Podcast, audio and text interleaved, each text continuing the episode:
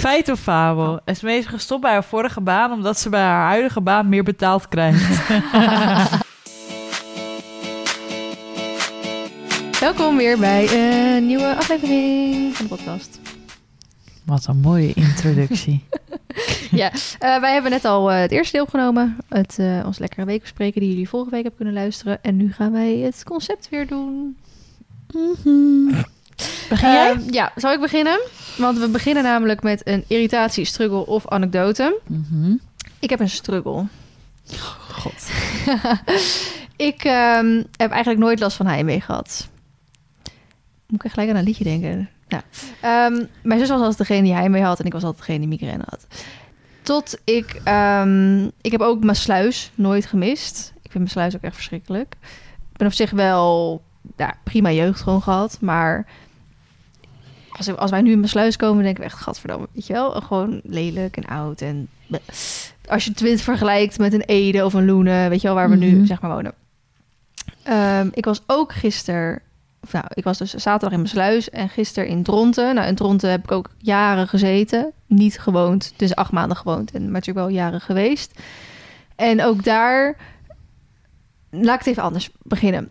Eh, sorry, het verhaal begint helemaal goed. Ehm, ik heb natuurlijk best wel wat gezeik op het moment met gemeente en nee, er is iemand die ons gesnitcht heeft en gedoe. En ik ben alleen thuis. Ja, natuurlijk, mijn schoonouders zitten wel aan de andere kant. Maar ik heb ook net een week in quarantaine gezeten. Dus die heb je dan ook weer niet gezien. Sjoerd is er niet, waar ik eh, dan tegenaan kan klagen. Ja, over de app en FaceTime natuurlijk wel. Maar ik heb voor het eerst in dat ik ooit, eigenlijk gewoon in mijn leven, heimwee gehad naar thuis. En dat komt, weet ik zeker, gewoon puur omdat het nu gewoon kut thuis is Mhm. waar het nu is. Omdat je gewoon je eigenlijk gewoon even niet meer lekker thuis voelt. Mhm. Omdat je, ik wil gewoon niet naar mijn weiland kijken. Ik heb, er is iemand in de buurt die me gesnitcht heeft. Eh, je, het is onzeker allemaal. Hoe gaat het worden? De paarden staan niet zoals je wil. Ik kan ook niet eh, gebruik maken van de bak zoals ik wil, want die paarden staan erin. En dan moet ik hem weer gaan slepen voordat ik ga rijden. Dus ik rij eigenlijk gewoon niet. Of ik doe het buiten of ik neem hem mee naar de rijvereniging. Dus alles is thuis gewoon even kut. En ik was in mijn sluis. En het was, zeg, het was niet dat mijn sluis iets veranderd is tot de vorige keer dat ik het zeg maar er was. Maar het zonnetje scheen zo een beetje, weet je wel. En ik reed zo doorheen en toen dacht ik, oh, eigenlijk is het niet eens zo slecht hier, weet je wel. Mhm. Gewoon van, oh, het is best wel veranderd en positief zin, want ze hebben wel heel veel, eh, nou, van die oude, het oude winkelcentrum wat echt fucking lelijk was, hebben ze helemaal verbouwd. Het is echt super mooi nu. En eh, zo waren er an- allemaal andere dingetjes dat ik dacht, nou, eigenlijk is hier helemaal nog niet zo, eh, zo heel slecht. En we gingen dus uit eten bij een restaurant van oude kennissen van mijn ouders, of oude vrienden van mijn ouders. Die ken ik ook al sinds mijn geboorte. Dus dan kom je daar binnen en dan word je gelijk geknuffeld. Ze zeggen, oh, we zijn zo trots op je. Superleuk dat jullie het voor paarden presenteert. Mm. Echt helemaal zo'n warm welkom, weet je wel. En toen had ik ook echt wel van, ik mis het wel eh, dat ik zo ver weg woon van mensen die ik ken. Want dat had ik ook afgelopen tijd. Dat heb ik al eens eerder aangekaart. Hè? Mhm. dat, dat, dat ik een lange tijd alleen ben geweest en geen, eigenlijk niet echt vrienden had of me goed bij voelde. Nou, dat ging toen eigenlijk weer heel goed. Maar ja, nu ben ik weer verhuisd naar een nieuwe omgeving waar ik weer niemand ken op één meisje na. En nu heb ik een beetje weer dat gevoel, weet je wel. Van Mhm. ik heb niemand die ik kan appen in de avond. Joh, ik heb niks te doen. Zullen we even kletsen of een bioscoopje pakken of een weet ik het wat. Ik moet altijd wel een, minstens een half uur of langer rijden om iemand te kunnen zien. En dat gevoel kreeg ik dus weer vanuit mijn sluizen. Dacht ik echt, ik zou het zo leuk vinden, eh, want ik kan best wel goed met mijn zus, om, om daar, weet je wel, vaker mee te zijn of, of even bij mijn ouders langs gaan of zo. Dus dat had ik als eerste. Nou, toen was ik dus gisteren in Dronten. Waar ik dus ook lang heb gezeten. Ik ken helemaal niemand die in Dronten woont. Maar gewoon weer die docenten, weet je wel. Zien waar je gewoon een fijne klik mee had als je toen je op school zat. Of gewoon weer bekende gezichten. Weet je, hoe gaat het met je? En dit en dat. Gewoon weer even onder de mensen. En weer even mensen die je kent en zo. Dat vo- vond ik zo fijn. En het was gisteren buiten dat het waaide ook heel mooi weer. En dan, denk, dan ga je ook een beetje die schoonheid van Dronten zien. Eh, dat het echt heel mooi open daar is. Mooi groen, veel ruimte Mhm. het waait daar wel zes keer zo hard als dat het zeg maar Ja, in Loenen waait. Dus dat is inderdaad daar. Ik zou helemaal gek van die wind worden. Dus ik zou nooit in Dron- Dronten willen wonen om de wind. Maar voor de rest is Dronten volgens mij best wel leuk. En eh, ik had het er ook met, eh, met Carmen over. Carmen heeft namelijk weer een een fulltime baan. Ook eigenlijk pas voor het eerst sinds ze afgestudeerd is, heeft ze weer een ritme, zei ze. Mhm. Ze zei ook, ja, het is zo fijn. En soms als ik zo naar andere mensen te kijken die ook gewoon een normale baan hebben, die gewoon inderdaad een ritme hebben en gewoon zonder, ehm, nou, gewoon weer thuiskomen, dan ben je gewoon thuis, hoef je niet meer over werk na te denken. En ik had in één keer echt overal een soort van heimwee naar, weet je wel? Van al gewoon naar een normaal leven hebben en me niet zorgen hoeven maken over fucking vergunningen en andere dingen. Ja. En, en gewoon thuis. En dat je alle mensen om je heen hebt die je kent en zo.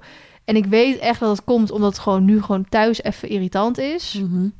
Terwijl thuis nog steeds super fijn is en echt heel blij met waar we wonen. Maar dat was even mijn struggle. Hm. Dat ik voor het eerst eigenlijk zo'n soort van heimwee-achtig momentje had. Dat ik echt zoiets had van, oh, ik, ik vind het echt best wel vervelend dat iedereen zo ver weg woont. Mhm.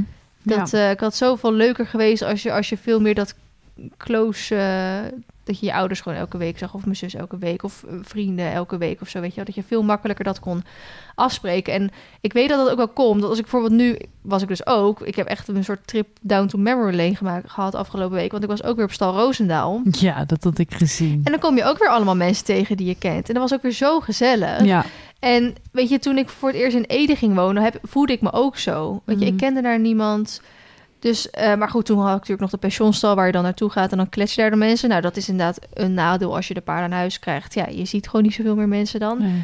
En ik weet ook dat ik het de tijd moet geven in Loenen om ook mensen te leren kennen. Want ik ken nu een aantal mensen in Ede of omgeving. Mhm. Ehm, waar bij wijze van als ik in Ede had blijven wonen, dan wel dat mee zou kunnen hebben. Maar ik moet dat dus nu in Loenen ook gaan krijgen. En daar zit ik dan ook weer een beetje mee van, ja, maar hoe moet ik gaan doen? Hoe, hoe de fuck moet je vrienden gaan maken? Lastig is dat eigenlijk. hè? We Ja. zijn er veel te oud voor. ja, maar normaal kreeg je dat op school. Of je werkt daar in de buurt, je hebt misschien collega's. Of Ja. eh, nou, ik, misschien als ik straks weer ga sporten, dat ik dan misschien wat leeftijdsmensen tegenkom. Maar ja, kijk, iemand van je eigen leeftijd tegenkomen is ook iets anders dan echt een vriendschap opbouwen natuurlijk. Ja. Hè, waar je dan inderdaad eh, zegt, joh, ik heb vanavond niks te doen. Nee, ik ook niet. Kom, gaan even, weet ik veel wat. Dus eh, wij hebben, Sjoerd en ik hebben natuurlijk toen in Ede gehad dat we even op hockey zijn gegaan. In de hoop dat we wat mensen zouden leren kennen. Nou, dat viel ook een beetje tegen. Ehm, dus ik heb ook echt iets van, is er iets waar ik me... i- Zijn er überhaupt mensen van mijn leeftijd in Loenen of Eerbeek, weet je wel? Zo ga ik me ook denken. Is niet, is niet iedereen van mijn leeftijd naar de stad vertrokken... dat het een beetje vergrijsd is of zo? Dus denk ik, wa- waar moet ik deze mensen vinden? Ik denk dat je zo'n papiertje in de supermarkt moet Ja. ophangen. Gezocht Hallo. vrienden. dus nou goed, ik dacht maar misschien niet wel... je telefoonnummer erbij Nee, zetten. precies. Dus nee, Je mail. Ja, maar ehm, ook een beetje mensen die ook een beetje in dezelfde ja, levensfase zitten of zo, weet je wel? Heb je wel eens een berichtje op Instagram zelf gezet? Nee, dus daarom had, Of had heeft, ik eigenlijk Facebook, of heeft Loene een Facebook-ding? Vrienden gezocht, Loene. Nee, maar ik had eigenlijk Ja, misschien gehoopt door het nu al bespreekbaar in de podcast te maken, dat misschien iemand in de podcast luistert. En ik heb echt wel eens berichtjes gekregen van mensen die uit Apeldoorn komen of iets anders. Maar ik vind dat dan weer, ja, het klinkt dan weer nu echt weer een beetje... Een diva. Ja, maar dan denk ik, dat vind ik weer te ver of zo. Dat klinkt weer heel stom. ja, denk, kun je ja, net goed naar Soest rijden. Nou, precies. Dat is niet helemaal waar, maar... nee, maar ik heb bijvoorbeeld Carmen, die woont bij in de buurt van Arnhem. Maureen woont in de buurt van Arnhem. Eh Noek is nu in, in eh, Ede gaan wonen. Oh, dat is wel dichtbij. Dus dat zijn allemaal op een half uurtje rijden. Ja, Apeldoorn is ook een half uur rijden. Ja, ligt, tenzij het echt Zuid-Apeldoorn is. Maar Mm. ik heb precies, ja, maar ik wil gewoon bewijzen op de fiets kunnen. Of gewoon even auto en in vijf minuten ben je er. Of, ja. Weet je wel? Dus dat, ehm, dat is nu... Ja, dat, nu heb ik pas voor het eerst dat ik... Ik ben in vrij nou, korte tijd vier keer verhuisd. Ehm, terwijl ik de eerste 19 jaar van mijn leven nooit verhuisd ben. En nu in één keer merk je van ja, dat, dat, ja, dat heeft dat, dat, dat, hoe zeg je dat? Dat laat toch sporen achter, of hoe zeg je dat? ja. Gaat toch tegen dingen aanlopen dan. En, Lastig. en als, als Sjoerd thuis is, heb ik er niet zoveel last van, want dan heb ik Sjoerd. ja, Ehm, maar als Sjoerd weg is... ja, dan voel je je toch wel weer een beetje alleen. Ook al wonen mijn schoonouders natuurlijk naast me, maar je wilt natuurlijk ook gewoon vrienden van je eigen leeftijd hebben. Snap ik. Dus dat is mijn struggle eigenlijk. Hm. Goeie struggle. Ja, maar ben jij niet bang als jij naar Jury gaat verhuizen, dat je dat misschien ook kan krijgen? Ja, tuurlijk. Het is wel iets waar ik veel over nadenk. Ja, Daar ook wonen niks. dan wel iets dichterbij. Dan Ja, dat scheelt wel. Ja. Ik, ja, ik, ik woon nu verder van jou af dan als ik bij jullie ben. ja. En ehm jullie heeft zeg maar twee vriendengroepen. ja, dat scheelt. Jury heeft wel zijn vriendengroep daar. Ja, maar wacht even. Nu, Oh. komt, nu komt het verhaal. Twee vriendengroepen. Met de ene zijn we zijn, ben ik ook heel erg close. En die zien we echt met regelmaat. Eh, zaterdag gaan we bijvoorbeeld met de hele groep eten. Mhm. Mega leuk. Dat is van zijn eh, basisschool uit mijn hoofd. Oké. Eh, dat zijn vier jongens van de basisschool. En die hebben nu allemaal een vriendin. Mhm. Dus we zijn met z'n achten. Klikt supergoed. Eh is echt heel erg gezellig. Gewoon echt leuk, weet je wel. Toen ik laatst in quarantaine zat bijvoorbeeld... Mhm. ehm, kwam Jorik. Dat is ook degene waar ik die flessen wijn nog van kreeg. Met die eh, Oh, met de podcast Ja, ja, van... eh, met, eh, ja, ja. Annemiek. Ehm, werd, er, werd er aangebeld. Of eh, werd ik gebeld van... joh, doe even je voordeur open. Hadden ze een coronapakket voor Ah, mij op de, op de grond gezet. Weet je, dat soort dingen. Dat vind ik gewoon heel erg lief. Want hun wonen hier in Utrecht. oké. Ehm, dus dat is eh, op zich echt wel heel gezellig. En de rest woont dan echt bij, eh, bij jullie in de buurt. Maar hij heeft dus ook zo'n vriendengroep waarvan ik denk... Wat de fuck moet je ermee? ook allemaal met aanhang. Mhm. En daar voel ik niks bij. ja. Dan denk ik, nou, ik hoef hier... Ik ga hier nu geen moeite voor doen om daar nu al een band mee te creëren. Mhm. Want ik voel het gewoon niet. En waarom zou ik het dan doen? En ik daarbij, ik heb gewoon genoeg aan mijn eigen vrienden en vriendinnen. Jij woont nu ook op een uur afstand. Mhm. Dat gaat niets veranderen. Mhm. Marlou woont al op drie kwartier afstand. Dat verandert niet. Ja. Het enige wat wel is, ik heb hier natuurlijk wel familie. Ja. Ehm, en er zijn ook echt wel vriendinnen in de buurt hier.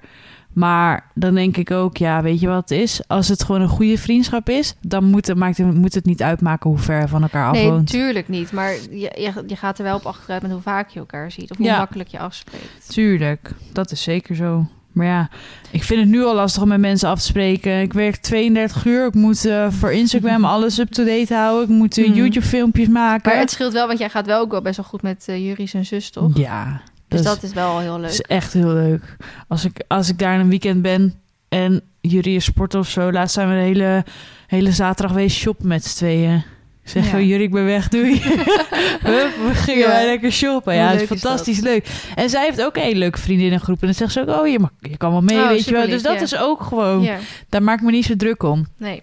Maar ja, ik snap wel wat je bedoelt. Ik denk wel eh, dat het een stukje eenzamer is. Hier, als ik mijn avond verveel, dan heb ik uh, Shorny. Ga ik daar koffie drinken? Of eh, Niels woont hierachter. Ja, weet je. Ik heb wel Ja. echt mensen die letterlijk op loopafstand wonen. Ja, maar het lijkt me ook lastig om, wat ik zeg, een beetje mensen in je eigen, ook in je levensfase. Want ik heb over Ja, het algemeen lastig, vriendinnen ja. die jonger zijn dan dat ik ben. Ik Ja. ben bijna altijd de oudste. Dat Maar- vind ik ook kut, want ik wil juist met ouderen. Vind ik fijn. Ja, maar ik heb, eh, ik heb eigenlijk niet meer echt behoefte aan, aan iemand die nog helemaal elke weekend in de club staat. Of eh, Nee. nog heel erg die boy drama heeft. Weet je wel, dat ik echt denk, ja... ja, kijk, Pas. tuurlijk, Swipe. prima. Weet je wel, ik heb ook andere vriendinnen die dat wel hebben. Je mag altijd bij me daarmee terecht en Ja. weet dat soort dingen. Maar het, ja, ik eh, liever inderdaad, wat ik zeg, een beetje in je eigen levensfase. Dat je gewoon een Mhm. stabiele relatie hebt en misschien net een huisje gekocht of zoiets. En ik heb bijvoorbeeld nu een meisje in eh, Eerbeek die ik ken. Een super lieve meid. Die heeft mij dus ooit via Insta een bericht gestuurd of we misschien een keer konden buitenrijden en zo. Zij is dus 30. En dat is, was voor mij niet dat we als wij praten dat we dat verschil merken of zo. Maar dat was voor mij is het heel normaal om een vriendin van 22 te hebben. Mhm. Terwijl, en zij is dan 30 en dan is het Dus precies, precies hetzelfde, hetzelfde. maar dan de andere kant op. En zij eh, is eigenlijk ook een soort van dezelfde levensfase, want zij eh, als in eh, gewoon een huis met een vriend en zij hebben dan geen kinderwens, dus zij hebben bijvoorbeeld ook geen kinderen. Maar dat zou natuurlijk ook weer zijn als ik van mensen van mijn leeftijd of ouder heb, dan heb je wel weer de kans groter dat die dan kinderen hebben. Mhm. Wat natuurlijk ook niet erg is, maar ik heb alleen Anissa eigenlijk die dat heeft. Mhm. En die zie ik ook niet zo heel veel, omdat hij natuurlijk nog in mijn sluis woont. Dus dat is dan ook misschien weer anders of zo. Dus dat zijn gewoon dingen waar ik me dan een beetje zorgen om kan maken. En, maar dat, dat doe ik alleen als op de momenten dat je je natuurlijk alleen voelt. Dus dat ik echt, Ja. als ik me verveel, Als je weet tijd wel. hebt om na te denken. Terwijl ik soms heb ik ook weken mega druk. En dan denk ik echt, oh, ik zou echt niet willen dat ik nu vrienden heb waar ik aandacht aan moet besteden. Bedankt. ja, maar dat is wel zo. Maar goed, dus dat was mijn struggle. Nou, ga ik even een anekdote vertellen. Ik was in de Hoofdvliet laatst, want de Hoofdvliet zit hier op 50 meter afstand. En er was eh, twee halen in betalen van die shots in de aanbieding. Niet drankshots, Mhm. maar gembershots en zo. Ik dacht, nou, dat heb ik dus nog nooit gehad. Dat wil ik een keer proberen. Waarom zou je dat ooit willen proberen? Iedereen zegt dat het fucking ranzig is. Ja, maar dan wil ik het ook gewoon, dan wil ik een beeld bij hebben. Dus ik zat hier aan tafel met een gembershotje. Ik denk, nou, hup, achter, in één keer achterover.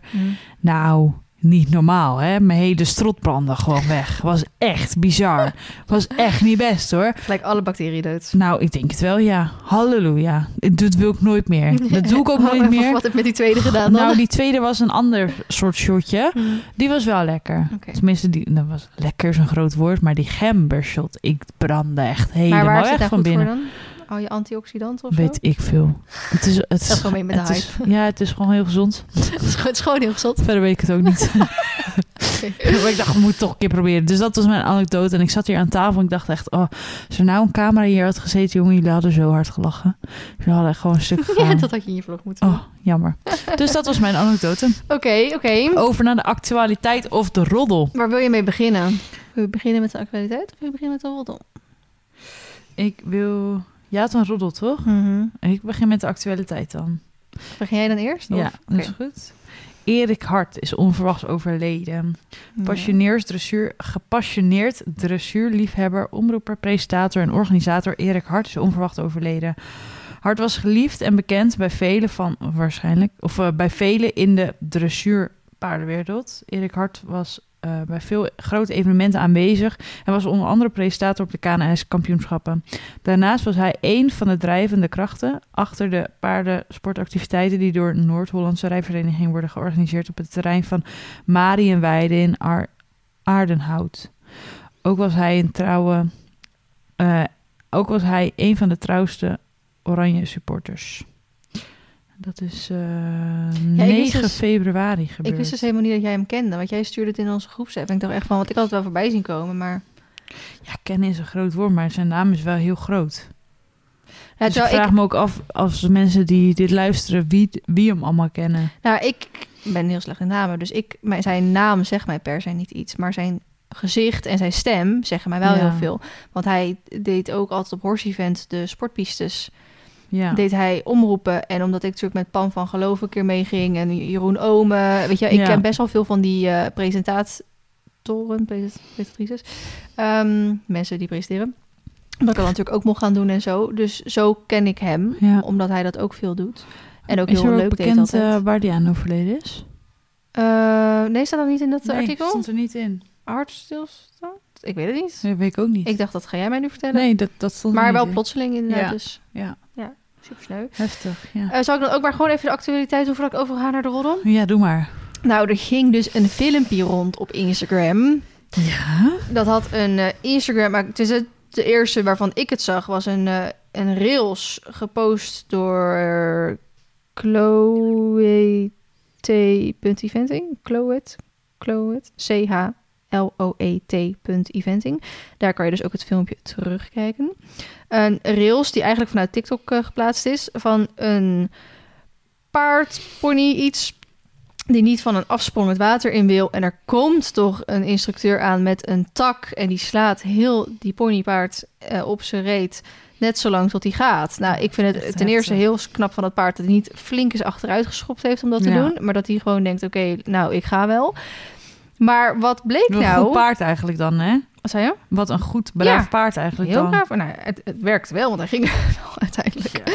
Maar iedereen staat er zo bij te kijken. Er zitten ook wat mensen op de achtergrond. En niemand die even zijn bek opentrekt over wat er dus gaande is. Nee. Want de ruiter, of de instructeur die dit in dit geval doet, was, bleek dus Mark Todd te zijn, met Ja. dubbel D. En Mark Todd blijkt eh, Olympisch eh, goud eventing ruiter of zo te zijn. Ja. Iets in die richting. En ehm, dat bleek hem te zijn. Ik ging hem even op Insta zoeken. Hij heet Mark Todd Official, maar hij post echt niks. Nee, Ja, ze posten ook opgezocht 2013. En het grappige is dat dus, nou, op die post van 2013 zijn dus nu 226 opmerkingen staan eronder van de afgelopen uren met Monster, Insane Devil, The Eye of the Horse tells us a story, very, very broken, shame on you. Who the hell does that? Only sorry you were caught, not for anything else. Asshole. Al de reacties gaan over. Champion of cruelty, shame on you. Dus ehm, iedereen is helemaal los aan het gaan.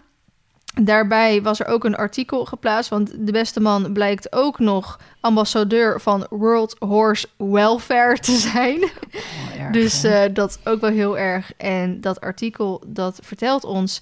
Eventing-legende Sir Mark Todd is gestopt als ambassadeur voor World Horse Welfare... nadat er een video viral ging waarin te zien is hoe hij een paard met een boomtak slaat. Gisteren maakte de tweevoudig Olympisch kampioen zijn excuus voor wat er gebeurd is. En vervolgens en volgens een woordvoerder van World Horse Welfare zocht tot zelf contact met de stichting nadat de video onder zijn aandacht kwam en legde hij vrijwillig zijn functie neer. Nou, dat, dat zie je hem dan. Ja, maar dat hebben we toch ook heel veel met die MeToo-dingen nu. Dat, dat allemaal mensen ambassadeur Ja. of baas ergens van zijn en dan maar gewoon de handdoek in de ring gooien. Als in, ja, een beetje. Natuurlijk, je wil zo iemand niet meer daarin hebben zitten, maar het is een beetje makkelijk of zo, heb ik het idee. Ja, het Van, is wel oh. makkelijk, maar ik vind het wel respectvol of zo. Nee, ja, nou, weinig respect voor deze man nu, maar... eh, er is geen plaats in het partnerschap tussen paard en ruiter voor zulk geweld. Mark is het ermee eens dat zijn gedrag verkeerd was... en we vinden zijn verontschuldiging op zijn plaats. Mark is een goede ruiter die veel geeft om paarden en hun welzijn. Maar in dit geval heeft hij zichzelf ernstig in de steek gelaten... door zijn geduld te verliezen of uit frustratie te handelen. Al dus de woordvoerder. We moeten allemaal op onze hoede zijn hiervoor. Als de paardensport door het publiek geaccepteerd moet blijven worden... kan er geen tolerantie zijn voor onaanvaardbare praktijken. Hoe ervaren de ruiter of trainer ook is. Heel goed. Tot stopte in 2019 met zijn eventingcarrière en focust zich sinds die tijd volledig op de training van renpaarden. En ook de Britse Rensportfederatie heeft gereageerd op de situatie. Een woordvoerder zei dat de beelden terecht woede hebben opgeroepen binnen de hippische gemeenschap en daarbuiten en dat de federatie het incident onderzoekt.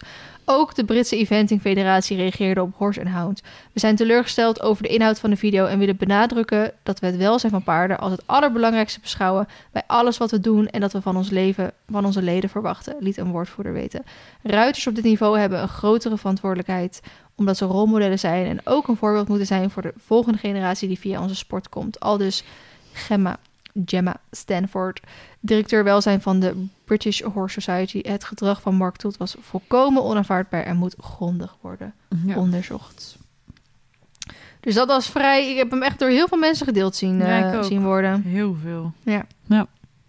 Maar nou ben ik wel benieuwd, want je had ook nog een roddel. Ja, en die heeft met mezelf te maken. Nee, Oh. nee het is niet echt een roddel, want het is gewoon waar gebeurd. Maar ehm, ik dacht meer van waar is dit verhaal grappig om in te vertellen? Of nou grappig. Eh, ik ga weer een heel wat details buiten beeld laten. Want ik wil niet dat mensen weten over wie het gaat, over hoe het gaat, over weet ik het wat. Zoals ik dus zei, we hebben, zijn bezig met seizoen 2 van Lief voor Paarden. En we hebben natuurlijk ook seizoen 1 opgenomen. Mhm. Eh, in seizoen 1 was er een partij, waar ik dus niks over ga loslaten, waar ik een akkefietje mee heb gehad in het verleden. Ja, buiten het programma om. Buiten het programma om. En dat kan. Je hoeft niet altijd met elkaar eens te zijn. Maar goed, eh, toen ik dus hoorde dat we daar zo ehm, een item gingen opnemen, toen had ik wel echt even zo van, oh, eh, hier heb ik eigenlijk niet zoveel zin in. En ik denk andersom ook niet. Maar nou ja, eh, het moet gewoon gebeuren. Want Ja, zij komen in zakelijk, het programma. Zakelijk. Ik dacht dus ook, ik ga me gewoon zakelijk opstellen. Ik had nog wel een appje volgens mij gestuurd. Daar zo van, nou, we moeten dit gaan doen. En, of zoiets. Ik weet niet meer zo goed, want het is ook natuurlijk al een tijdje geleden. Daar is toen ook nooit meer op gereageerd. Ehm, toen ik daar aankwam, was het helemaal leuk. Ik werd echt helemaal lief leuk ontvangen. De opnames waren leuk. Het was helemaal alsof het dikke prima was. Dus ik dacht toen ik daar wegging ook echt van... Hm, is het dan ook prima? Of is het inderdaad gewoon van... we, gedragen ons zakelijk... maar eigenlijk is het gewoon nog steeds niet prima. Daar was ik een beetje van in de war. Maar ik dacht nog steeds, weet je wel... voordeel van de twijfel, boeit niet. Ik zie die mensen toch nooit meer. Of wel, je weet het nooit. Ehm, toen gingen we dus een seizoen 2 maken... En dan worden natuurlijk eerst aan de mensen van seizoen 1 gevraagd: willen jullie eventueel weer meedoen met seizoen 2? Want als zij dat als positief ervaren hebben, dan ben je welkom. Toen heeft dus dat, die partij, heeft dus gezegd: ja, het lijkt ons heel leuk om mee te doen met seizoen 2. Maar. Maar alleen als het met een andere presentatrice is. Toen ik dat hoorde, dacht ik echt: holy fucking shit. Stel acteurs wat jullie zijn. Dat is toch niet normaal? Toen- Ik ken dit verhaal natuurlijk al, dus ik echt kan hier echt lekker op gaan. Gewoon? Ook vooral dat je weet om wie het gaat. Ehm, toen ze hebben ze zelfs nog voorgesteld, zij, niet Liefde voor Paarden, maar zij, die partij, voorgesteld van... en als we nou zelf een prestatrice regelen, ehm, waar ik ook niet verder op inga, dan mag het dan wel. En echt, nou, ik hou van Liefde voor Paarden en van de mensen die erachter zitten. Echt zo'n fijne partij. En die hebben gewoon gezegd, je krijgt verliezen en anders dus niet. Punt. Nou, dus niet. Dus, dus zij stonden aan mijn kant, wat ik ook echt heel erg waardeer van ze. Hmm. Maar buiten dat zij dus van, nou, ten eerste, want zij kennen natuurlijk ook het verhaal. Want heb ik, ik heb natuurlijk ook wel even aan hun verteld hoe de Mhm. vork in de steel zit. Ehm, buiten dat zeggen ze ook van, nou, stel we hadden dat wel gedaan, dan slaat het toch nergens op dat jij heel het programma presenteert en dat er in één keer in één item een andere. Ja, dat gaat toch ook helemaal nergens Dat over. Dan moet je gewoon bij wijze van aan het begin doen... jij vijf items en een ander vijf. Ja, bijvoorbeeld. Maar dan moet dat de afspraak zijn. Dan moet dat niet zijn omdat een, ander, omdat een partij graag wil dat er iemand anders komt. Ja. Dag. Ja, nou goed. En terwijl jij weet ook nog waar dat akkefietje over ging. En dat Ja. sloeg, sloeg ook nergens op. Nee. Nee. En ja, het is stom, want je kan er inderdaad niet te veel over zeggen. Maar het is gewoon bizar dat mensen gewoon Zo soms zo in hun eigen vibe kunnen leven... dat ze denken zo... I'm the queen. Of, de- of, of, nou, king, of de- ja, gewoon van alles dat je denkt... eh, nou, ik kan het wel even maken. Ik ga het even zo en zo oplossen. Ja, Kan toch zo niet? werkt het niet, jongens. Meid, hebben- leef je alleen op de wereld of wat? Jongen, jongen. Nee, maar dan doe ik even zo. Dat Ja, oké. lekkerder. Maar we meid. houden, we houden het even in het neutraal. midden. Ja. Eh, even vanuit... Ik wilde dit verhaal graag vertellen. Omdat ik... Het is wel gewoon iets wat er achter de schermen gaande is. En ik vind het Eh, Lekker juicy. wel... Mm. Het, ik vind het wel leuk. Gewoon leuk om te delen. Maar ik wil wel even het respect vragen... om niet te gaan onderzoeken... om welk bedrijf dit gaat of zo. Weet je wel? Ik eh, accepteer even dat ik dit... Dat we dit al delen. dat we dit al delen. wat Maar, buiten de boekjes is. maar alsjeblieft niet nu gaan onderzoeken of zo. Of gaan appen. Ook niet naar mij toe. Ik ga het jullie ook niet vertellen. Zoals we in de vorige aflevering Dus, hebben eh, besproken dat ik berichtjes krijg. eh, Ja, ja, ja. Oh, daarover gesproken. Dat meisje heeft me wel een bericht gestuurd dat ze het heel vervelend vond dat ik het zo naar had Oh, ja, opgepakt. ja. Ehm, Dat is wel lief. Dat vond ik heel netjes. Ja. Maar nogmaals, jongens, vraag eh, gewoon, dit is eventjes eh, vanuit ons eh, jullie respect ervoor. Want dan kunnen we ook dit soort dingen blijven delen. En, En anders, anders, als we als- merken dat het anders wordt, Nou, kunnen dat. we dit soort dingen gewoon niet meer delen. En dan Nee. moeten we daar een hele rode grote streep doorheen gaan zetten. Ja, en dat zou jammer Precies. zijn. En ik weet ook zeker, als, als het uit zou komen welke partij het gaat, dan krijg ik nog meer ruzie met deze mensen. Sleepsie is over de rechter. nou, hebben we nog een probleem daarbij. Zitten we in plaats van- staan. Zitten we in plaats van aan de achtertafel podcast op te nemen, zitten we in één keer in een hoorzitting. nou, alsjeblieft. nee, Maar goed. I got your back, bro.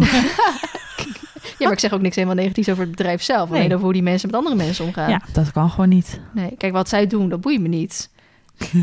maar hoe zij met andere mensen omgaan, dat boeit me. Oké, eh, next. Eh, pot, vier Oeh. keer staat er. ja, jij twee, ik twee. Oeh. Zal ik beginnen? Ja, doe maar. We gaan even... Oh, wacht, wacht. Moet je even vertellen wat, we, wat de pot Oh, inhoudt? oké. Nou, eh, in deze pot zitten stellingen, statements, wat dan ook. Ehm, onderwerpen waar wij onze mening over moeten geven. Een feit of een fabel. Of, pardon, eh, een dilemma. Ja, en voor de duidelijkheid, Anne, de, de rechterhand van Feline, heeft dit gemaakt. Dus wij Ja. weten niet wat voor eh, vragen of iets er in de pot zitten. Dus Nee. daarom is het extra leuk dat wij nu mogen grabbelen. Ja, precies. En om te kijken wat er dan uit gaat komen. Ik heb een feit of fabel. Feline had al een tweede paard gekocht als Sjoerd haar niet tegenhield. Feit! Feit.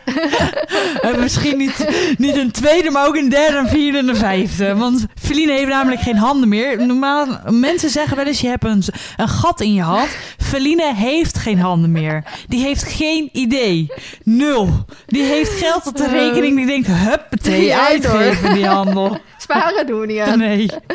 dus dit is sowieso een Ik feit. denk dat dit wel een feit kan zijn. En, maar wel even terugstellen. Ik eh, doe niet aan derde, vierde paarden. Want eh, alsjeblieft niet. Dan heb ik nog meer zorgen. Twee Wat- halen inbetalen? Wat wel grappig was, is dat Sanne van uh, Equitality mij dus een berichtje stuurde dat ze ergens waren waar allemaal van die mini-paardjes eh, waren. Ja, en toen oh, stuurde ze dus een erbij. foto. En zei ze, deze past mooi bij je kudde. Ja, dat is net Marley. ja.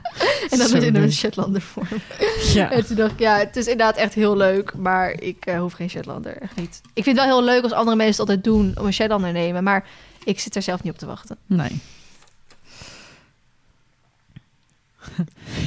Wat is het? Eerst even, wat is het? Feit of fabel? Esmee is gestopt bij haar vorige baan omdat ze bij haar huidige baan meer betaald krijgt. Nou, vertel. Feit. nee, ja. Ik kan er heel lang en kort ik kan er een heel verhaal van maken. Maar het is gewoon zo. Paraveterinairen, dus dierenartsassistenten, worden gewoon echt shitty betaald. Dat is gewoon zo. Ik heb mezelf ehm, al heel erg omhoog gewerkt en wat gelukjes gehad. Zoals twee jaar terug kreeg ik een baan aangeboden in... ehm, bij een andere praktijk, zonder dat ik gesolliciteerd had of zo. Ik was gewoon benaderd door een dierenarts die ik kende, waar ik wel eens mee werkte. Van joh, eens mee, ehm, zou je ervoor openstaan om een keer bij ons op gesprek te komen? Want ik vind je, voor wat ik heb gezien, een hele goede, fijne paraveterinair. En ik denk dat je bij ons meer uitdaging kan hebben.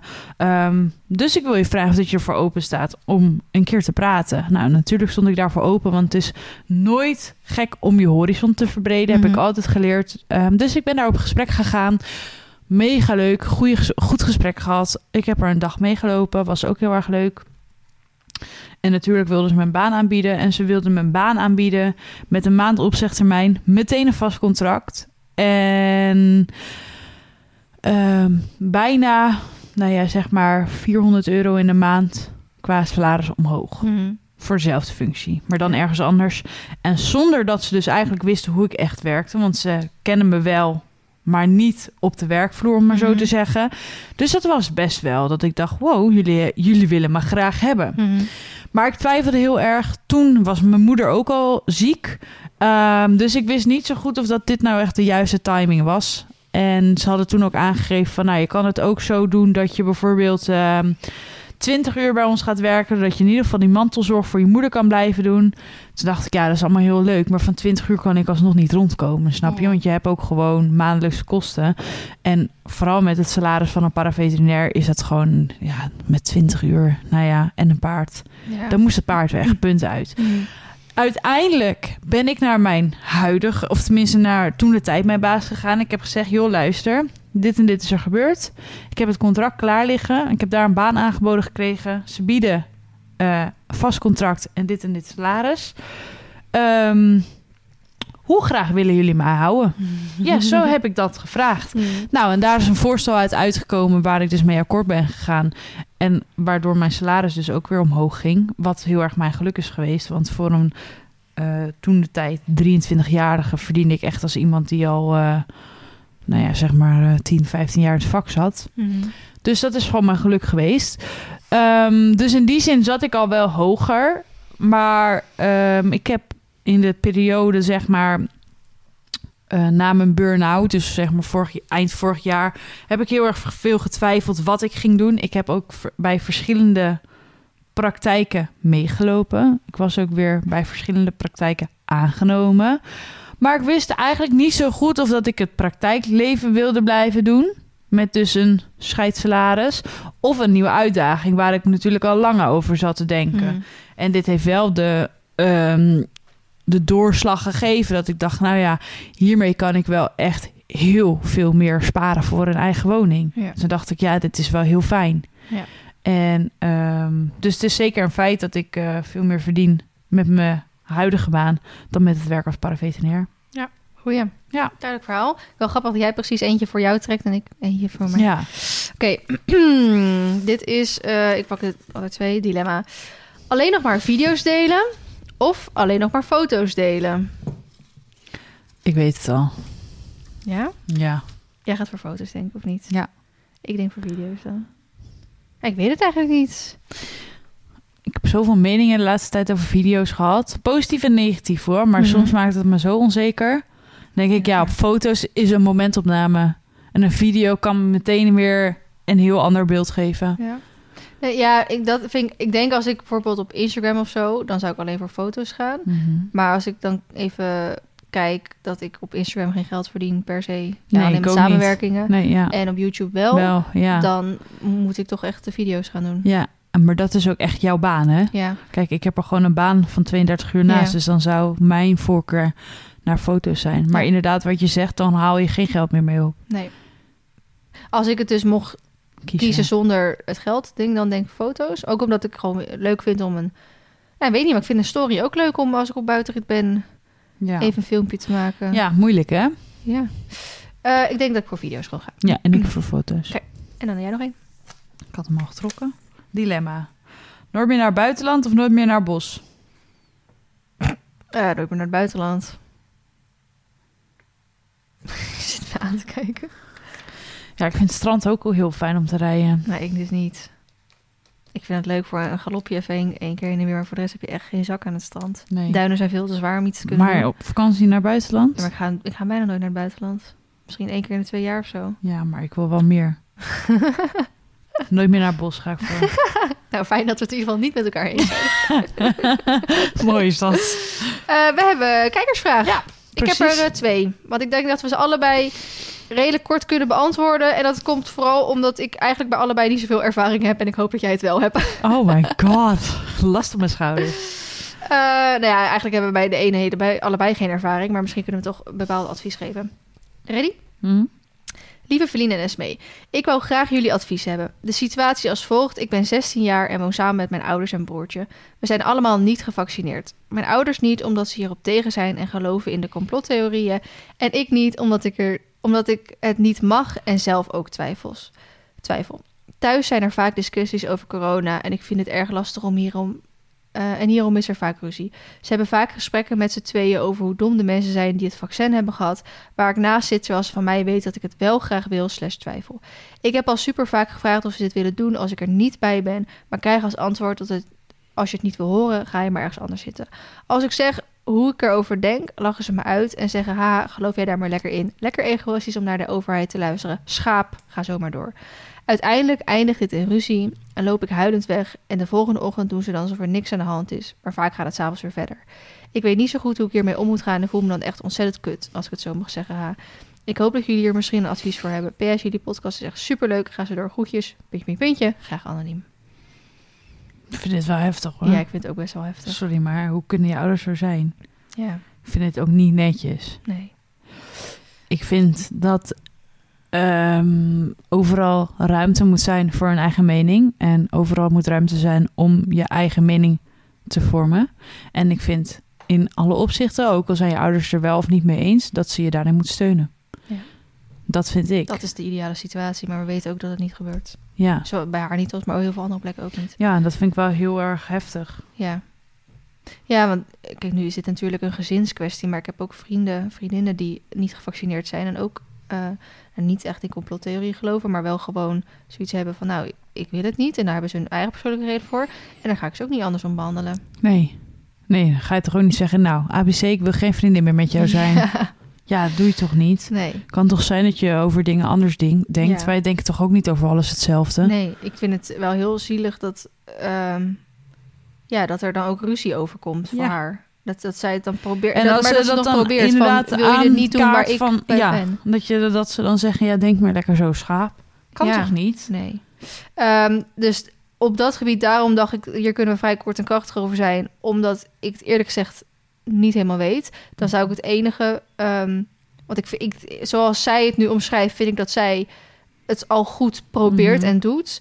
Ehm, maar dat helpt dus helaas blijkbaar niet. Nee. Dus dan toch, zoals haar ouders zeggen, dan ga je maar ergens anders zitten. Dan zou ik me dan toch even weglopen als je ja, het- als kijk, je als dit echt het enige ding is in je huiselijke sfeer, dan vind ik het alsnog niet acceptabel, maar dan is het een soort van oké. Maar als er meerdere van dit soort dingen zijn, vind ik dat er met een vertrouwenspersoon gepraat moet worden. Dat zou ook een goeie zijn. Ja. Ja, want het is eigenlijk als zij aangeeft ik wil niet dat jullie het hierover hebben, dan moeten die ouders eigenlijk gewoon naar luisteren. Ja, dat vind ik wel. Die zijn volwassen. Die horen dan gewoon het goede voorbeeld te nemen. ja. En dan vind ik ja egoïstisch dat je wel doorgaat. Ja. En ik snap heel goed dat als het dan s'avonds zo is geweest en de volgende dag doet alsof er niks aan de hand is. Ik zou dat ook niet kunnen. Nee, Ik, zou dan niet in één keer mooi, weer kunnen, eh, mooi nee, weer kunnen spelen. Dat, nee, zijn wij veel te eerlijk voor. Ja.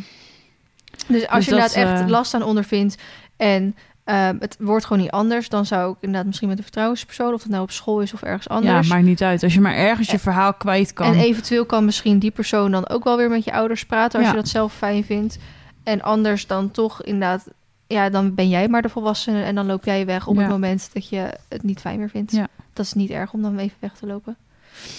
Succes. Ik, eh, wij denken aan je. Volgende is, hoi lieve Vlien en Esmee. Allereerst wil ik even gezegd hebben dat ik jullie video's, podcasts en alles daaromheen erg waardeer. Ga ze door. Ik heb advies nodig over mijn struggle met scoliose. Volgens mij had Esmee dit ook, toch? Ik heb zelf scoliose en heb daarvoor vier jaar een brace gedragen. Nu ben ik uit de groei, dus de brace is verleden tijd. De brace heeft wel geholpen, maar alsnog zie je aan mij dat ik dus scheef ben. Ik ben hier best onzeker over en durf niet goed naar het strand of strakke kleding te dragen. Ik heb een fijne bouw, dus je ziet ook erg goed dat ik niet symmetrisch ben. Omdat ik door de scoliose ademhalingsproblemen en chronische pijn heb, dus niet meedoen met gym, etc., weten de mensen die het dichtst bij me staan er wel vanaf. Alsnog vind ik het erg lastig als ze het ook echt aan me kunnen zien. Op het strand in een bikini zie je het allemaal, zie je het al helemaal en dan schaam ik me echt. Toch wil ik wel graag ook gewoon strakke, slash wat blotere kleding kunnen dragen of in een bikini kunnen lopen. Hoe moet ik hiermee omgaan en wat kan ik ervoor zorgen? En en wat kan ik ervoor zorgen dat ik me minder ongemakkelijk voel bij mijn scoliose uiterlijk? Ik hoop dat het een beetje een helder verhaal is. En zo niet, laten we maar weten. Ik wil wel graag anoniem blijven. Kusjes. Ik vind het wel zielig altijd als mensen zo onzeker over zijn. Maar ik herken het wel. Niet over dus bijvoorbeeld scoliose. Maar ik doe bijvoorbeeld, vind het niet fijn om in een bikini op het strand te lopen. Omdat ik mezelf te dik vind. Snap Mhm. je? Dus daar komt eigenlijk dan weer... Het eerste ding is dan weer self-love. Dat je gewoon voor jezelf moet houden. En moet geloven van oké, fuck al die meningen. Ik ga gewoon die bikini dragen. Want ik vind hem mooi. Ja. Snap je wat ik bedoel? Ja. Dus ik denk dat dat sowieso stap 1 is. Iedereen heeft toch ook een, een, een onzekerheid of iets, Ja. iets aan iemands... iem- De ene heeft, weet ik veel, een grote moedervlek.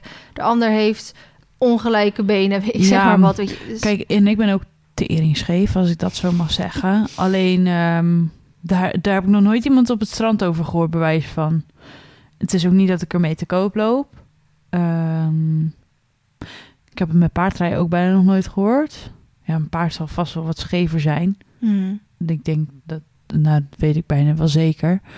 Alleen, het is niet zo dat ik helemaal eh, scheef of zo op het paard Nee. zit. Maar misschien ook omdat, omdat jij dan nou, iets voller bent, dat je dat dan minder opvalt. al- Omdat Ja. zij dan heel strak ja, fijn Ja, dat heeft. denk ik ook, ja. je het dan dan, heel goed eh, ziet. dan valt het misschien Maar ook al vraag op. ik me af of je het goed ziet. Ik denk dat je alleen als je, als je het benoemt... Bij Christy zie je het toch ook niet?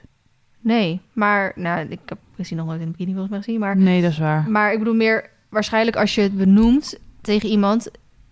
en dat, dat hij dan degene zal zeggen, oh ja. Maar als je het niet benoemt, dan zal hij Nee, misschien niet... ik denk dat gewoon stap 1 is om gewoon van jezelf te houden. En van, je, en van jezelf de bikini aan te mogen trekken. Dat je gewoon eerst moet denken... Ik vind de bikini mooi, dus ik trek hem gewoon aan. En eh, maakt me niet uit wat een ander of daarvan een vindt. stapje daartussen, een badpak. Want je hebt ook hele mooie... Oh, het is niet meer echt van die, van ik die lelijke... ook een badpak. Ik love een badpak. Je hebt niet meer... Ja, hallo, je bikini kan niet elke keer afzakken of omhoog schieten of weet ik het Dat is wel kut als je moet pissen, hoor. Ja. Alles weer uitgezaaid. Maar je hebt zulke mooie badpakken Ja. tegenwoordig. Als je je daar fijner in voelt, doe je dat als eerste. Maar er zal echt niet zomaar iemand naar je toe komen en zeggen... Jezus, wat ben je scheef? Kan Nee. me niet voorstellen. Nee. Dus ik denk dat omdat je daar bang voor bent... dat je dat helemaal in je hoofd gaat printen. Ehm, je moet daar gewoon eh scheid aan hebben. Fuck die meningen. Hup. Ga gewoon maar rondparanderen in je bikini. Op de- Eh, Op ik dacht misschien is dan nou, het nog leuk om onze onzekerheden te vertellen als we een bikini aan hebben. Maar jij hebt hem Ik heb hem al gedeeld. afgedeeld. Ik ga niet nog een keer vertellen. En jij? Eh, mijn onzeker, als ik dan nu, ehm, nu is het minder, maar ik ben ook heel rank van postuur. Mhm. Maar ik heb ook niet bijvoorbeeld grote borsten of een grote kont of zo. Mhm. Dus ik zal niet zeggen dat ik een plank ben, want dat is ook zeker niet zo. Maar nou, zeker op haar leeftijd was ik vrij, ehm, nou ja, gewoon, was niet heel boeiend, zeg maar. Nu begin ik eindelijk iets, uit te zetten. iets uit te zetten. Dus ik krijg iets meer billen. Nou, mijn borsten zullen niet uit zichzelf groter worden, maar daar, dat heb ik ook volledig geaccepteerd. Ze zijn En als echt je helemaal aankomt? prima zoals ze zijn. Ik kan niet aankomen. Nee, dat is waar. Want jij kan vreten. Ja, Daar hebben we het wel vaak over gehad. Maar dat zou nog wel eens een vraag... Of tenminste, stel dat jij wel aan zou komen... waar het dan als eerste gaat zitten. Sommige mensen worden echt alleen en maar armen. heel erg dik in hun borsten. Of tenminste Ja. dik. Sommige mensen komen aan in hun bijvoorbeeld borsten. Ja, zou dat zou voor jou dan nog wel Ja. fijn Nou zijn. ja, soms, als we het even over borsten hebben, soms zijn ze wel groter dan de andere. Maar dat kan ook vaak met je ongesteldheid te maken hebben. Ook al weet ik niet wanneer ik ongesteld ben natuurlijk. Maar ja, soms zijn ze wel in één keer groter dan anders. ja. Maar goed, dan vind ik ze ook wat mooier dan als ze klein zijn. Maar oké, nou, ik heb mijn borsten om... eh, hoe heet dat? eh, Zou je dan niet een borstvergroting doen? nee, absoluut niet. Nooit? Nee. Waarom niet? Omdat eh, er gewoon te veel risico's bij borstvergroting zitten. Oké. Heb je die documentaire niet gezien? Nee. Oh. Welke? Wat Van eh, je aan? D- eh, Dionne Slachter, weet je wel, van onder die. Oh, die. Die heeft eh borstvergroting laten doen en die heeft er weer uit laten halen volgens mij. Nou, ik heb de docu niet gezien, maar zij is in de podcast geweest van iemand. Oké. En toen heb ik dat verhaal gehoord. Oh. Maar er wordt echt gewoon eh, echt heel veel risico's bij borstvergroting. Echt heel veel. Ik vind mijn Omdat borsten die- namelijk ook te klein. Die siliconen die, eh, zijn heel slecht voor... eh, je voor innerlijke ding. Ja. je gaat in één keer allemaal klachten krijgen van die je nog nooit hebt gehad. Zullen ook vast wel succesverhalen zijn. ja. Maar het is bij mij niet dat ik het... eh, het, is ook prima, want ik, ik- bijvoorbeeld met sporten zijn grote borsten heel vervelend. Mhm. Ken ook zelfs mensen die borstverkleining hebben gedaan. Ja, mijn ze- moeder had het ook, ja. Ja? Maar ik heb niet de borsten van mijn moeder, helaas. had van mij wel wat meer mogen Ik heb zijn. borsten van mijn vader. Nou, dan voelt het soms wel, ja. maar als ik dan ook een postuur van mijn vader had gehad... mijn vader kan net zoals jij vreet. Daar word je naar van. En gewoon geen gram aankomen. Ja. Dan word ik echt... Dan word ik zo woest om. Denk ik, waarom? waarom kunnen we niet even ruilen? Even ruilen. Dus nee, dat is nou eens een weekje. Ik kon gewoon even lekker, gewoon lekker rammen. Ja, Heerlijk. maar goed, even terugkomen. Ik heb bijvoorbeeld... eh, nou, nu begin ik dan ietsjes uit te dijen eindelijk. Ehm, maar ik heb... eh, ja, wat is het? Drie jaar, vier jaar geleden of zo... Heb ik, eh, ben ik, was ik in bikini bij een zwembad in Nederland. En toen kwamen er twee meisjes naar me toe... van een jaar of... nou, wat zouden ze geweest zijn? 13, 14 of zo? Om, om een foto te maken. Ik dacht echt van, van... Ik zit nu in mijn bikini, maar ook prima. En toen zag ik die, die foto later ergens terug... Of ze hadden hem even laten zien of zo. En ik, dan vond ik echt wel van ja, er zit echt geen verschil in onze lichamen. Dacht ik echt, weet je wel, je ziet echt niet dat ik tien jaar ouder ben. en dat, ik ben er niet per se onzeker over. Maar dat is wel misschien, ja, toch wel. eh, als ik ergens over onzeker zou zijn, zou ik het daarover zijn of zo, denk ik. Dus Wow, ja. iedereen in bikini. is va- vast wel onzeker. Of dat je nou zo mager... Mag ik dat zeggen, dat je mager bent? Nee, je bent wel Ja, ja, slank. ja. Heel slank bent. of gewoon vol zoals ik. Ja, en i- ja, wat ik zeg, iedereen heeft iets. En dus inderdaad, wat Esmee zei, het begint bij self-love. Jezelf waarderen, wat je bent. Ja. Ook al heb je scoliose, je, je lichaam is voor de rest, hoop ik, voor je wel gezond. En eh, zorg dat jij elke dag kan bewegen en doen. ja. Dus dan, eh, ja, dan hoort dat, dat hoort bij jou gewoon. Dus dat was, waren de kijkersvragen. Mooi. Sluiten we dan af met een tip slash nog iets? Ik weet het ja, even een tip, ontdekking of quote. Wil jij eerst? Ja, hiervoor ga ik mijn Instagram openen. Want ik heb hier namelijk een post over geschreven. Hmm, Oh. pardon. Nero's Voor wie doe ik het eigenlijk? Voor mezelf of de buitenwereld? De vraag waar mijn focus de aankomende tijd op gaat liggen. Ik hecht de laatste periode weer zoveel waarde aan andermans meningen, waardoor ik nog onzekerder word. Ik ga twijfelen aan mezelf. Doe ik het goed? Kan ik het wel? Kan ik het beter? Heeft een ander gelijk? Ik kan mezelf letterlijk gek maken hiermee en de hele dag en nacht ongewild mee bezig zijn. En dat moet stoppen. Dat wil ik. Vanaf nu ga ik meer naar mijn gevoel luisteren. Meningen mogen er zijn, maar mogen niet meer mij beïnvloeden zoals ze nu doen. Reminder. Ik doe het voor mezelf, niet voor een ander. Ik kan op mij en mijn gevoel vertrouwen. Ik doe het goed. Dus dat wilde ik even met jullie delen. Staat ook mooi aan bij de kijkersvragen net. Daarom, fantastisch. En ik denk niet dat ik er meer woorden aan vuil hoef te maken. Oké, mooi. Netjes. Dus nu ben jij. Nou, nu valt mijn tip echt volledig in het niets. bij jou en bij het verhaal wat we net hadden. Voor mij is echt totaal niet boeiend. Ehm, ik, eh, nee, ik moet zeggen, ik had eigenlijk helemaal niks. En ik dacht, ik wil wel iets. Want ik vind het stom om gelijk bij de tweede podcast in dit concept... dan gelijk dan niks mee Mhm. aan te komen. Je huiswerk niet goed genoeg Ja, gedaan. precies. Dus eh, eigenlijk wilde ik, want dat is, dat is nu een beetje, daar zijn we nu een beetje mee bezig. Ik heb het volgens mij er een keer over gehad, maar ik weet niet helemaal zeker. Dat eh, Go Social, het management, waarbij bij, waarbij als in ik, Ik wou zeggen, ik niet. eh, bij aangesloten zitten, die hebben dus nu een businessclub opgezet. Daar zat ik officieel eerst bij eh, de stuurgroep. Maar toen eh, kwam ik er toch wel achter dat ik er eigenlijk niet de tijd voor had. Leanne zit onder andere wel in de stuurgroep. Ehm, en de businessclub heeft uit mijn hoofd op 10 maart, op donderdag, is eerste bijeenkomst. Ehm, in, eh, beetje bij, ja, bij Rotterdam, Den Haag, daar zo in de buurt. En de businessclub is eigenlijk voor mensen die een onderneming hebben of start een onderneming zijn of misschien willen worden. Of moet je wel bij KVK ingeschreven zijn, ben ik niet helemaal zeker. En gewoon als een soort netwerkgroepje, een, een, ja, gewoon een, een groep van ondernemers waar we al onze struggles, tips kwijt kunnen, elkaar op de hoogte houden, waar we dus één volgens mij zes, vijf of zes keer per jaar bij elkaar komen. En dan een leuke dag hebben met ins eh, ja, inspiratiesessies van andere mensen, ondernemers die dan hun verhaal komen doen. Eh, netwerken, op vette locaties. En nou, daar kan je dus lid van worden. Er zit wel een lidmaatschap aan vast van 170 euro per jaar of zo. Nou, wel meer. Nee, want het, ik, het was 150, dacht ik. En toen ging ik me laatst dus inschrijven, omdat ik dus niet meer in de stuurgroep zit. En toen zag ik dus al 100, 780 of zo. Iets in die richting. En dat klinkt misschien veel, maar het is dus een, ja, een investering ook natuurlijk in jezelf, in je bedrijf. Uh, ik ken ook businessclubs waar je 3000 euro per jaar moet betalen. ja. Maar dat zijn dan echt van advocaten en uh, dat soort mensen en zo. Dus het is vrij nieuw nog. Er zitten volgens mij nu 25 mensen in, wat best wel veel is. Dus ik had eigenlijk niet zoveel verwacht, omdat meestal pas na een sessie, weet je wel, uh, zijn er wat meer ervaringen en dan kan je dan mensen over de streep krijgen. Dus leuk. Dus mocht jij uh, ondernemer zijn, startende ondernemer zijn, um, ja, dan is het misschien leuk om daar eventueel wat meer informatie over te vinden. Als je gewoon Go Social Business Club opzoekt, dan zou je het vast wel kunnen vinden. Dus ik dacht, laat ik even mijn steentje bijdragen en dat even als tip vermelden. Mooi. Ja, dat was de podcast. Um, ik vond het weer heel erg leuk. Ik ook. Ik vond, eigenlijk vind ik het allebei. Ik vind echt blij dat we deze combi hebben. Ja, dit is top. Ja. Ik had zelfs ook berichtjes gekregen. Ja, kunnen jullie niet vaker gaan opnemen? Ja, inderdaad. Ja, jongens, dan moeten jullie ons gaan betalen, want dan moet het ons werk gaan worden. En zolang wij geen betaalde podcast kunnen nee. opnemen, is het gewoon. Uh, ja.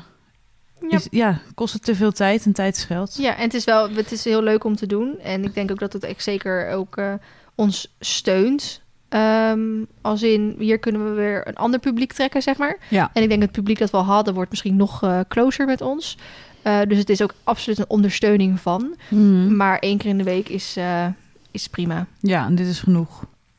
bedankt voor het luisteren. En um, volgende week komt een podcast met Christy. Nee, volgende week om... Nee.